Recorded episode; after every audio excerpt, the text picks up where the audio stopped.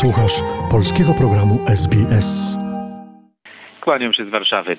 Mamy już w Polsce sześć potwierdzonych przypadków choroby wywołanej przez tzw. koronawirusa. Jak poinformował w piątek minister zdrowia Łukasz Szumowski, jeden z pacjentów przebywa w szpitalu w Zielonej Górze, dwoje w Szczecinie, jeden we Wrocławiu i dwóch w Ostrudzie. Żaden z pacjentów nie jest w stanie zagrożenia życia, wszyscy czują się dobrze, ich stan jest stabilny. Szef resortu przekazał jednocześnie, że 28 pacjentów poddawanych jest hospitalizacji z podejrzeniem koronawirusa, ponad 1300 osób znajduje się w kwarantannie, a ponad 6 tysięcy objętych jest nadzorem sanitarnym. Z całą pewnością będziemy mieć w Polsce kolejne takie przypadki, ale jak widać są one szybko i sprawnie wyłapywane, stwierdził minister.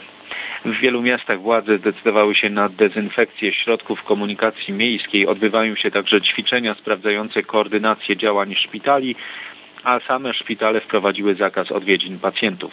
W całej Polsce odwołano większość masowych imprez, głównie koncertów czy konferencji, ale w Katowicach odwołano także kobiece Mistrzostwa Świata Dywizji B w hokeju na lodzie, na które w marcu miały przylecieć m.in. zawodniczki z Włoch, Korei Południowej i Chin.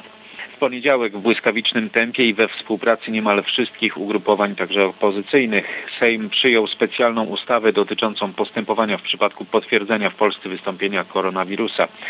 Przewiduje ona m.in., że osoby chore na chorobę zakaźną albo osoby podejrzane o zachorowanie na nią mogą podlegać obowiązkowej hospitalizacji. Pracodawca może polecić pracownikowi wykonywanie pracy w formie zdalnej.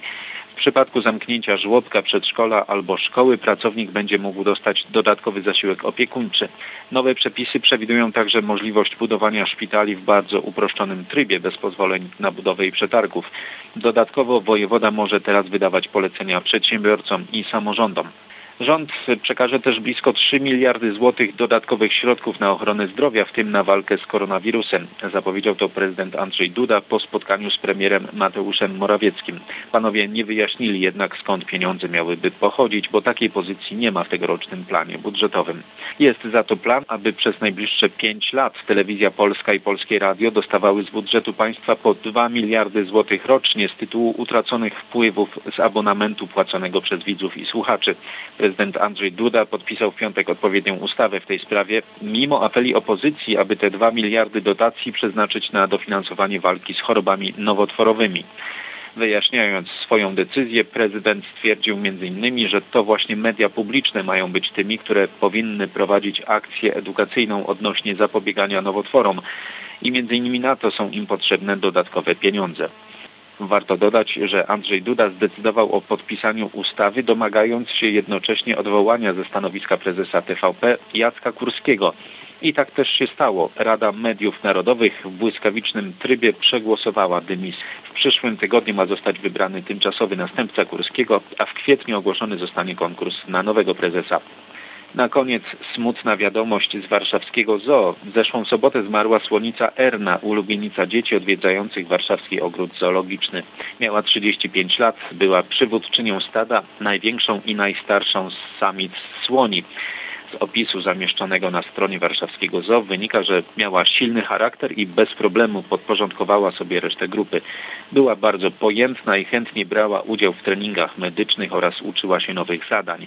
Można ją było rozpoznać po charakterystycznym kwadratowym czole. O czym z Warszawy dla radia SBS Przemysław Przybylski. Zainteresowało Cię? Chcesz usłyszeć więcej? Słuchaj nas na podcastach dostępnych w Apple Podcast, Google Podcast czy Spotify lub w jakimkolwiek innym, który używasz.